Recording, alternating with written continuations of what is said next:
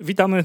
Naszym gościem jest Kasia Kamieniarz znana z z wydawania komiksów, między innymi pod dwoma imprintami OMG, Wytwórnia Słowobrazu oraz Łukasz Kowalczuk przedstawia. między innymi, czyli są jeszcze jakieś ukryte wydawnictwa? Nie, nie ma, y, nie ma ukrytych wydawnictw, natomiast y, bardziej mia- powinnam powiedzieć znana między innymi z dobra. wydawania, bo również się pojawiam też gościnnie czasami w innych wydawnictwach w stopce niektórych komiksów jako Mała Kasia. Albo z własnym imieniem i nazwiskiem. To jest w ogóle długa historia, bardzo często. Czyli i pod pseudonimem i normalnie. I pod pseudonimem i normalnie, czasami jako Kasia Kamieniarz, czasami jako Katarzyna Kamieniarz. Jest mnie dużo w zróżnicowanych formach. No to ciężko cię namierzyć pewnie w internecie. Zdecydowanie tak. Cieszę się, że jeszcze żeby- Nowak nie masz na nazwisko, bo to już w ogóle by było. E, jakiś czas temu pojawił się post o foliowaniu komiksów. Mhm. I jaki był na niego odzew?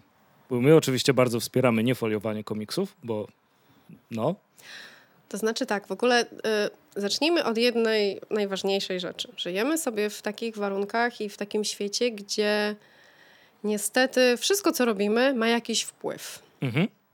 Czy foliujemy te komiksy, czy ich nie foliujemy, to ma wpływ na bardzo różne rzeczy. Częściowo ma wpływ na środowisko, częściowo ma wpływ na nas samych, na naszą satysfakcję, na nasze e, samopoczucie. I e, podejrzewam, Andrzej, że dążysz do tego, żeby zapytać mnie, jaki był odzew na ten post w kontekście.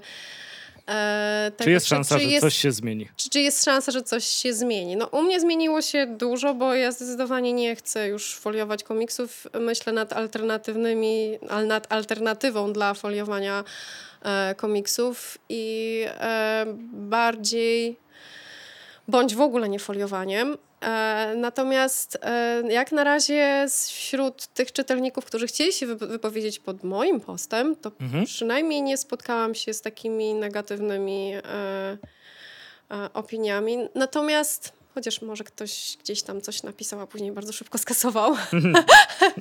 No z tym nigdy nie wiadomo rzeczywiście. Dokładnie tak. E, więc jakby odzew jest pozytywny, Mhm. aczkolwiek skądinąd wiem, że jest bardzo dużo klientów, którzy niestety z tym foliowaniem się bardzo mocno zaprzyjaźnili i widzą w tym ogromne plusy, starając się jednocześnie myśleć, że jest to kropla w morzu tego, co moglibyśmy robić, jeśli chodzi o em, ochronę środowiska, jeśli chodzi o dbanie o środowisko, gdybyśmy rzeczywiście z tych folii Zrezygnowałem. zrezygnowali. A i jakie są pomysły na alternatywy? Bo na razie widzieliśmy papier. I myślę, że przy tym papierze na razie zostaniemy, aczkolwiek ja się zastanawiam, ponieważ my mamy bardzo małe nakłady i to najprawdopodobniej też będą komiksy, które będą coraz fajniej wyglądać i coraz bardziej tak kolekcjonersko, a, a jednocześnie coraz bardziej papierowo, w sensie takim coraz bardziej się zastanawiam nad tym, żeby na przykład wprowadzać inne, inne okładki niż te standardowe folia mat, folia błysk. Mhm, mhm. Byle E. nie folia matowa soft touch. E, nie, nie, nie. To też, to też no, soft touch też jest folią tak naprawdę. Natomiast mm, myślę, że gdzieś tam w przyszłości te nasze małe nakłady w tych jednak bardziej papierowych opakowaniach będą miały większe szanse bytu niż jednak w folii, Mhm. która, no co by nie ukrywać, rzeczywiście zdecydowanie chroni, tak? Wiadomo, nie chroni przed y, ubitym rogiem, czy jakimś gnieceniem, czy podobnymi rzeczami, czy jakimś naprawdę dużym zadrapaniem. Natomiast na pewno chroni przed jakimiś małymi rysami, tak? Chociaż też znamy przypadki komiksów i to bardzo drogich, które pojawiały się na rynku zafoliowane już z jakimiś rysami pod spodem, więc to no jakby e, z jednej strony tak, a z drugiej strony jest bardzo dużo czynników, które mogą wpłynąć na to, że ten komiks gdzieś się w trakcie e, transportu do klienta w jakiś tam sposób uszkodzi i warto by było go w Mhm. jakiś tam sposób jednak ochroni, ochronić, przy czym niekoniecznie pewnie musi to być folia. Jasne, no bo folia chroni, ale chyba nie aż tak bardzo, żeby była jedynym wyjściem tutaj, prawda? Tak, znaczy powiem w ten sposób. Komiksy, nasze pierwsze komiksy, które były ewidentnie takimi komiksami skierowanymi do raczej osób em, czytających większe rzeczy w twardej oprawie. Mhm. One nie były foliowane. Jam jest Legion i Legion Kroniki nie były foliowane. E, pojawiło się kilka, znaczy tam nawet kilkanaście zwrotów. W przypadku Jam jest Legion. W przypadku Legion Kroniki chyba nie było takiego, e, taki, takich zwrotów, ja nie odnotowałam tego, natomiast zniszczyło nam się kilka po prostu w trakcie transportu, przy czym powiem tak, zniszczyło się w ten sposób, że gdyby nawet była ta folia, To by ona, i ona by, ona by nie uratowała tego komiksu, tak? E, więc te przytarcia były dość takie e, znaczne, ale to się zdarza, tak? Takie, takie sytuacje się zdarzają. To, mm, ja mam taki system, że jeżeli nawet komiks jest w jakiś tam sposób przetarty, wyraźnie mówię o tym klientowi, sprzedaję go bezpośrednio wtedy, wyraźnie mówię o tym, że jest, nie wiem, wgniecenie, bądź Mhm. jest przetarcie, pokazuję w którym miejscu i dogaduję się z klientem na cenę. No i tak często można bardzo fajne komiksy od was taniej kupić, jak Dokładnie Underhogsy w bardzo Dokładnie dobrej tak, cenie mieliście. które gdzieś najprawdopodobniej w drukarni. Znaczy nie oskarżam drukarni, ale tak podejrzewam, że tak No się i to też mogło się zdarzyć. To... Że upadły i obiły się rogi, pomimo tego, że były w folii, tak? Mhm. Dobra, a powiedz mi, lubisz Gabriela Rodrigueza?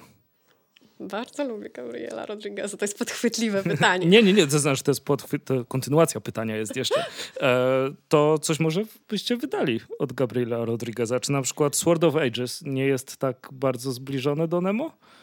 Klimatem oczywiście nie, że jest o małym chłopcu. Czy jest zbliżone klimatem? Mm, Nie wydaje mi się. Wydaje mi się, że to jest troszeczkę bardziej taka zaawansowana pozycja. Ja, y, szczerze mówiąc, ja zaczęłam to czytać, tak? Mhm. Gdzieś chyba przebrnęłam przez dwa zeszyty i stwierdziłam, że to trzeba przeczytać w całości, bo po prostu nie jestem w stanie tego tak No to w jednym tomie tak, właśnie. w jednym To- tomie. Natomiast e, wydaje mi się, że to jest jednak taka historia. Rysunkowo oczywiście jest dość podobnie. Bym powiedziała, że w przypadku Nemo on bardziej się jednak bawi tymi rysunkami, no ale to z, jakby wynika z konwencji. Natomiast e, w przypadku Sword of Ages pokazuje też jakby to, te swoje umiejętności w kwestii operowania perspektywą, e, pokazywania bohatera z naprawdę bardzo różnych, ciekawych ujęć, więc myślę, że tutaj też jest bardzo, bardzo ciekawie. A Jest to seria, która się zapowiada, przynajmniej z tego, co ja czytałam, całkiem fajnie, ale nie jest to prosta seria. Mhm. Moje doświadczenie wskazuje, że jeżeli seria jest troszeczkę bardziej skomplikowana, to często em, m, czytelnicy mogą mieć z tym problem, tak? Mhm. Jak mówię na przykład, że Tyler Cross jest taką serią, która trochę wymaga pomyślunku, to nie, oczywiście, że nie spotykam się z mm, takim odzewem, że o nie, to ja tego nie wezmę, tak? No bo nikt się oczywiście nie przyznaje, że nie będzie chciał myśleć, tak? Ale z drugiej strony na przykład no, w, w moim odczuciu jest tak, że jednak Nuri, który trochę zawsze pokomplikuje w tych swoich komiksach, nie jest takim łatwym autorem i ludzie chyba bardziej wolą takie rzeczy masowo, chyba jednak bardziej wolą rzeczy przygodowe, które mają super twisty, czegoś, czego się nie spodziewali. A natomiast w przypadku właśnie tego typu, typu komiksów, takich troszeczkę bardziej pok- pokomplikowanych, jest różnie, Mhm. tak? Więc tak, tak wynika z moich doświadczeń, że, że jednak no, to, to jest doceniane gdzieś tam przez, w moim odczuciu bardziej przez koneserów, przez ludzi, którzy dużo czytają, przez ludzi, którzy e, czegoś więcej oczekują od tych e, komiksów. Czy wydamy Sword of Ages? Na ten Albo coś innego. Albo coś innego. Rodrigueza. Mm, Na ten moment nie. Na ten moment bym jednak poszła w bardziej chyba nawet e, w to, co się dzieje teraz, e, mm, to, co się wydarza akurat aktualnie na rynku frankofońskim, jeśli chodzi o Nuriego. Ja wiem, że to Nuri jest nadal, no i to tak różnie. I, i, Ale i to Brina. nie ma w tym nic złego. przecież. Nie, bynajmniej. Na ten moment chyba, e, chyba właśnie kolejna współpraca Nuriego i Brina, jeżeli chodzi o, e, o taką dość ciekawą rzecz. Już w tym momencie zaczyna e, bodajże chyba w maju albo w marcu ukaże się e, komiks, który w wolnym tłumaczeniu brzmi Człowiek, który zabił Chrisa Kyla. E, Jest to mm, próba jakby rekonstrukcji wydarzeń, które się zadziały wokół śmierci jednego z najbardziej legendarnych snajperów Stanów Zjednoczonych. E, znając Nuriego, to on jakby szuka takich tematów, w których można troszeczkę się ubrudzić, w sensie, mhm. które nie są nie pokazują postaci w żaden sposób jednostronnie, więc myślę, że tutaj też będzie dużo takiej pracy i nie spodziewałabym się w ogóle czegokolwiek bliskiego e, temu, co zrobił Clint Eastwood e, w bodajże to był American Sniper, tak. ale e, zdaje się, że taki tytuł nosił ten film. I myślę, że bardziej bym chyba była chętna, żeby kontynuować tą, tą pasę, jakkolwiek ona jest pozytywna, negatywna, jakkolwiek by to rozpatrywać, e, e, w tą stronę, a o Rodriguezie myśleć dopiero jak troszeczkę bardziej chyba jednak zaskoczy. Ja wiem, że serial Lock and Key bardzo dużo dobrego zrobił dla komiksu, e, Natomiast mam też bardzo duży odzew pod tytułem Nie mogę przebrnąć przez pierwszy trade tego komiksu, bo te rysunki są obrzydliwe.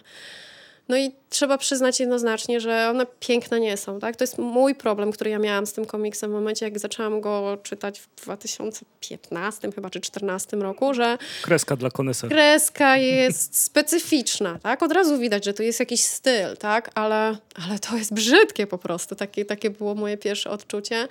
Natomiast gdzieś około trzeciego, czwartego trade'u miałam całkowicie jednostronne przekonanie, że nie wyobrażam sobie, że ktokolwiek inny -hmm. byłby w stanie narysować historię, którą chciał opowiedzieć Joe Hill. E, I um, od tego czasu Rodriguez niesamowicie ewolu ewoluował. Mhm. Jednocześnie zmienił styl, a z drugiej strony dokładnie pozostał w, w tym, co tworzył na samym początku. Widać, że te rysunki, które e, pojawiły się w Lock and Key, one, e, one zdecydowanie mają podobieństwo do tego, co się, co się dzieje obecnie jakby w jego twórczości. E, fakt faktem, że w międzyczasie Rodriguez popełnił bardzo dużo tak naprawdę komiksów. Mam wrażenie, że on jest człowiekiem, który rysuje bardzo szybko, bardzo sprawnie. Mhm. Przychodzi mu to bardzo łatwo, że jest po prostu takim e, naturalsem, jeśli chodzi o, o rysowanie. E, przy czym w większości były to jednak komiksy, tak jak patrzę na to, czytałam niektóre pomysły. Musimy zabrać krzesła. Czy... Zabierajcie, zabierajcie. Jedno, tak? E, w większości to były jednak pozycje, które bym oceniła jako tak między średnią a dobrą, więc tutaj akurat... Mhm, tak. E, tutaj... E, tutaj akurat jakby większego potencjału w tym, żeby to się pojawiło w Polsce niestety nie widzę. Pomimo świetnych rysunków, znowu Rodriguez robił świetną robotę, czy to przy, e, przy, kolejnej, e, przy kolejnej współpracy z Joe Hillem. Ja już nie pamiętam w tym momencie, jak się nazywa e, ta seria, coś, The Dark, coś z Darkness. Mhm. jest też um, Clive'a Barkera, um, um, The Great Clive'a Barkera seria, co tak, Rodriguez znaczy, rysuje? Rodriguez rysuje pod scenariusz bodajże mhm. Chrisa Ryala, jeśli się nie mylę. Do Clive'a Barkera The Great and Secret Show bym zgadła. Zgadłabyś. Zgadłabym, tak? Nie mam okularów, więc i tak bym krzyku nie zobaczyła. Dziękuję. Ale bardzo, ale tytuł idealny. E, natomiast no, to są jednak pozycje, które w Polsce, one, ja nie widzę za bardzo potencjału na mhm. to, żeby to, to wydawać i żeby to się dobrze sprzedawało. Dziękujemy za efekty specjalne Łukaszowi Kowalczukowi.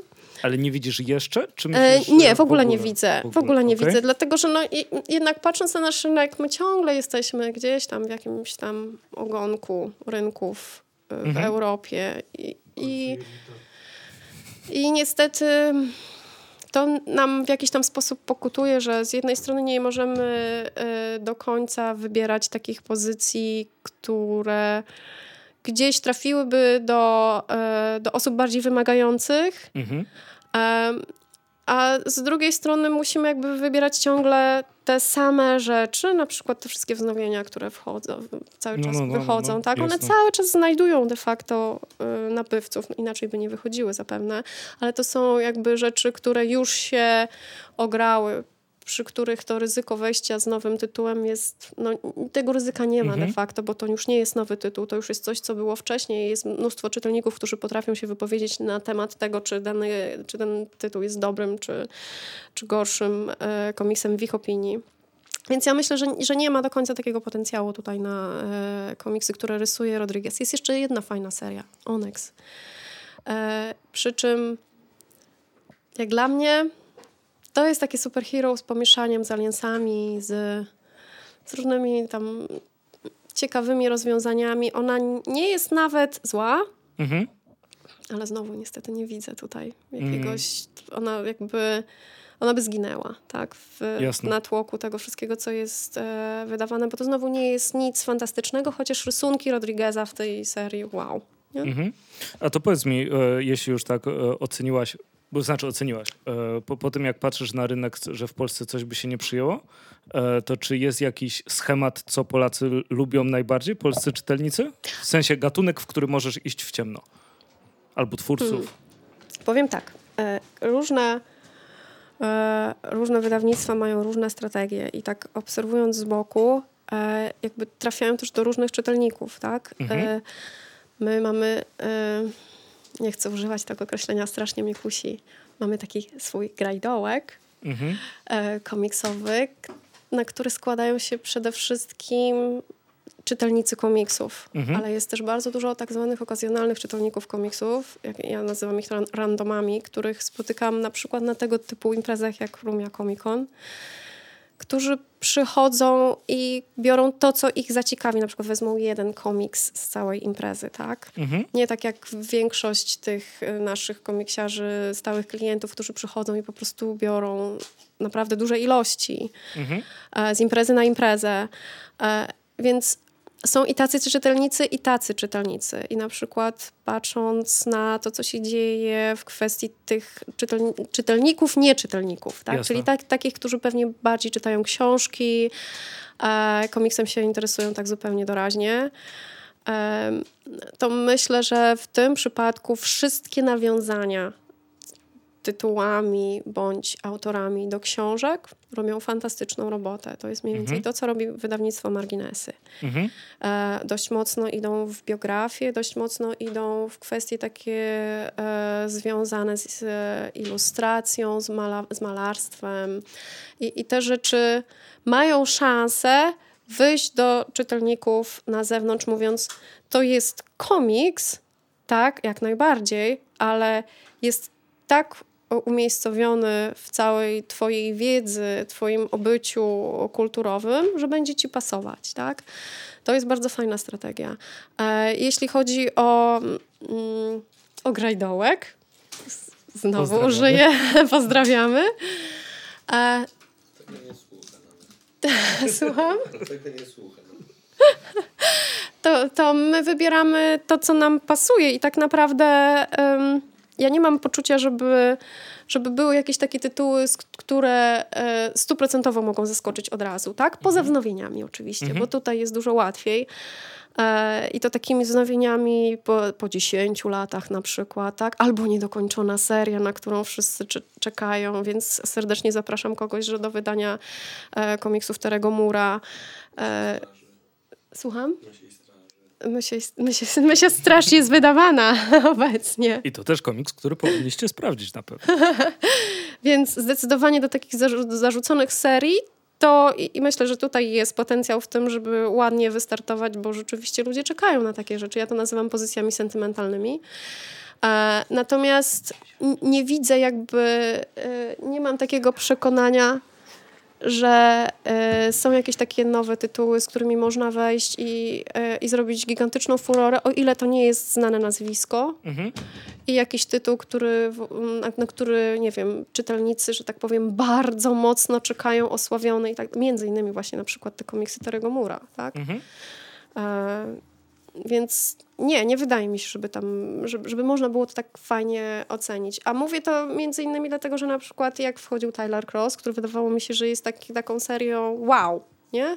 Po przeczytaniu stwierdziłam, wow, to jest niezły komiks, nie? I, I w ogóle próbujemy z tym. To miałam takie poczucie, wow, ale to pozamiata. Nie? No.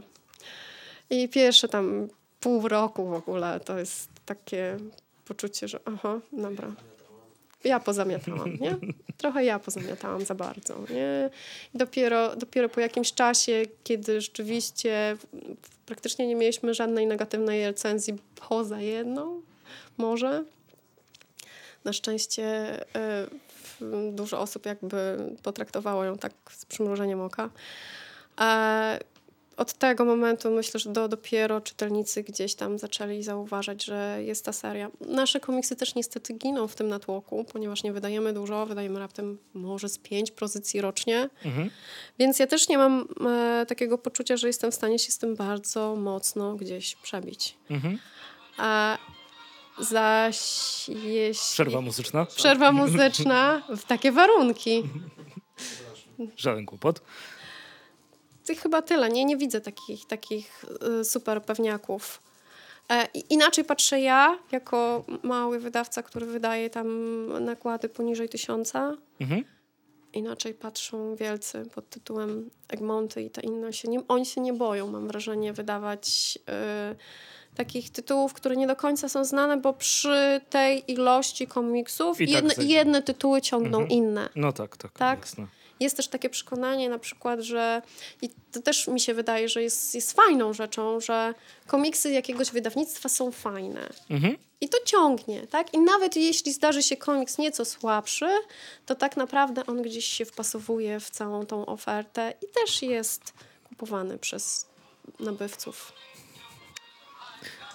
I tańczymy. I ostatnie pytanie do ciebie, bo już, e, bo już cza, czas, nam, czas, nam, ucieka. E, jak wspominasz swoje bycie jurorką na Złotych Kurczakach? Jedną z najstraszniejszych rzeczy, jaka mnie w życiu spotkała, bo ciężko było wybrać z Cie tak małego raz, grona. Było bardzo ciężko wybrać. Naprawdę było straszliwie ciężko. To, to, o. Ja wkładałam nogę w drzwi czasami i mówiłam, te komiksy, te dwa komiksy, nie, nie mam opcji, żebym je rozdzieliła. One muszą oba znaleźć się na pierwszej pozycji. Ale to udało mi się tak raz. A, a, później miałam taką sytuację, że chciałam trzy komiksy wrzucić na pierwszą pozycję, więc, więc dostałam e, ostre ostrzeżenie. Mocne takie ostrzeżenie, nie ma takiej szansy, więc musiałam w ogóle przedefiniować sobie wszystko, swoje kryteria i tak dalej. W ogóle to jest, to jest ciekawe, bo E, każdy z jurorów ocenia według swoich jakichś tam własnych kryteriów, które przejmuje. Tak? No, to, świad- to jest minus każdego tak, konkursu. świadomość tego, jakie się ma kryteria jest, jest bardzo ważna de facto, mhm. bo e, w przypadku takich pozycji, a naprawdę te, w większości te ziny i komiksy reprezentowały naprawdę bardzo, bardzo wysoki poziom e, to w przypadku takich pozycji ta świadomość tych kryteriów niezmiernie pomaga, tak? Mhm. Czyli, że coś przemawia do mnie, bo tak? bo jest takie, takie i takie. Jeśli nie spełnia jakiegoś kryterium, które przyjęłam, to automatycznie powinna mnie, nawet jeśli mówi do mnie bardziej, tak? to powinna mnie troszeczkę bardziej przesunąć na dalszą, na dalszą pozycję. Jasne. Ciężki wybór, niesamowicie, ale też dużo zabawy tak naprawdę. Ja też mm, poczułam się mm, jakby trochę przymuszona, ale w takim pozytywnym sensie do tego, żeby usiąść i przeczytać. Jak zazwyczaj mm, siadam wieczorem i po prostu zaczynam pracować i kończę gdzieś tam w zależności od tego, ile mam siły, gdzieś około godziny pierwszej, drugiej, to tutaj musiałam wszystko odłożyć, bo ten czas jakby był zarezerwowany tylko i wyłącznie na, tak? Mhm. Więc więc tak, więc to było takie dość duże, raz, że duże wyzwanie, bo trzeba było poświęcić na to dużo czasu i trzeba było się tak zanurzyć w tym wszystkim niesamowicie, co było bardzo fajne, ale też bardzo jakby czasowo e, utrudniające. E, dwa, że zawaliłam kilka terminów przez to. to też. E, ale do no, uratowania do uratowania, zdecydowanie. No, no tak. nie, no to jest komiksowo, to nie są, e, nie wiem, to nie jest, nie jestem lekarzem na jakimś tam ostrym dyżurze. Czy... Albo kontrolerem ruchu na lotnisku. Albo na przykład, bądź przy pociągach jakimś tam, ja nie, wiem, nie do końca wiem, jak to tam się nazywają ci... Um, Zarządzający ruchem. Zarządzający ruchem, dziękuję Andrzej bardzo. E, natomiast... E, fajne jest to, że to się dzieje, tak? Mhm. Że, że, mamy możliwość e, coraz bardziej promować tego typu rzeczy. Jasne. Tak, że to jest, e, że siadając do tego, w, zanurzając się rzeczywiście, tak jak powiedziałam, dokładnie w ten klimat i mhm. to wszystko, e, próbując jednak jakoś tam oceniać, ustawiając to w jakiś tam sposób, mam też wpływ na to, że to wychodzi do ludzi. Mhm. To jest, to jest ten, ten czynnik, który mnie trzymał cały czas. Musisz przeczytać wszystko, musisz przeczytać wszystko. Jasne. Ja już chyba nie mam więcej do dodania, bo już jesteście zmęczeni. Kto jest zmęczony? Nie? Okej, okay, super. Dlaczego teraz czuję się urażony po prostu? Co, co, co, ty, mi tu, co ty mi tu mówisz? Cytując klasyka, a to przepraszam. ale czyli bardzo dobra zabawa jako juror. Bardzo dobra zabawa, ale jednocześnie niesamowicie... Ciężka praca. Um, ciężkie, tak. Niesamowicie ciężkie, czasochłonne, takie konsumujące, bo też mnóstwo tam emocji związanych z tym. Te komiksy paradoksalnie w większości e, są komiksami, które bardzo przemawiają, tak? Mhm. W sensie, to oczywiście nie są jakieś tam torgale i, i tym podobne realistyczne kreski, chociaż w tym roku zdarzyło się nam, zdarzyła nam się Monika Laprus, która fantastycznie e, odtwarza rzeczywistość, ale też chyba tak level up w stosunku do większości takich e, realistycznie rysujących e, rysowników. Natomiast to są komiksy, które mają gdzieś tam z tyłu jakieś fajne, sensowne przesłanie. Tak, no jeśli napędzacie zajawka, a nie edytor, który ci, redaktor, który ci każe coś, co, coś wydać, jak w części tak. amerykańskich komiksów, no to też Tam jest, jest myśl i tą myśl gdzieś trzeba złapać, ten, tą mhm. emocję gdzieś trzeba uchwycić. To jest to jest po prostu przepiękne, bo to są właśnie takie emocjonalne komiksy. To jest jedna e, z fajniejszych rzeczy. Wczoraj jadąc tutaj miałam okazję e, rozmawiać właśnie ze swoim redaktorem i między innymi też ze swoim mężem o, o takim właśnie komiksie, który emocjonalnie robi mi osobiście sieczkę w głowie. Ja zawsze przy okazji każdej możliwej wspomnę o tym komiksie. To jest The Unwritten, Majka Kareya, mm, który, który robi emocjonalne wolty w, mm -hmm. w, chyba w większości głów czytelników. I, i to, no jak się to umie jest takie. Myśleć, chyba tak, tak, jak się umie no. myśleć. To jest mniej więcej te ziny, to jest taki właśnie przedsmak do tego, że można zrobić taki komiks. Tak? On mm -hmm. jest mhm. bardzo niedoceniony i bardzo. Znaczy, to wynika z tego samego faktu, że jest niesamowicie trudnym komiksem też. Nie, nie chodzi no jego, o... się, jego się bardzo ciężko czyta. Ciężko się czyta, znaczy, ciężko, w sensie. Ciężko się go łatwo, rozumie. Łatwo się go czyta, ale trzeba go przetrawiać za, tak, każdym, za każdym jednym możliwym razem. E, więc te ziny to jest dla mnie właśnie coś takiego, tylko w, nie, w nieco mniejszej skali. Bardzo dużo emocji, bardzo dużo takiego mhm. e, pozytywnego też nakręcania, ale nawet jeśli negatywnego nakręcania, to jestem w stanie to gdzieś tam przetrawić tak, żeby wyciągnąć z tego fajne jakieś e, myśli. I, I tak. Ekstra. Na jakich imprezach jeszcze w tym roku można was spotkać? E, na pewno w Poznaniu ale nie na, na ale nie na Pyrkonie. Dobra. Na festiwalu, e, poznańskim festiwalu komiksowym. E, pewnie komiksowa Warszawa.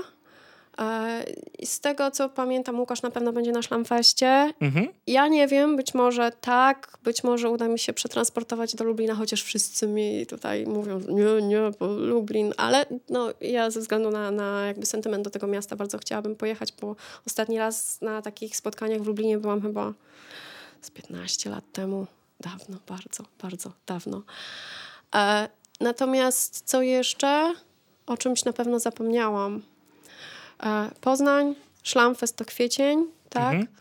E, komiksowa Warszawa to maj.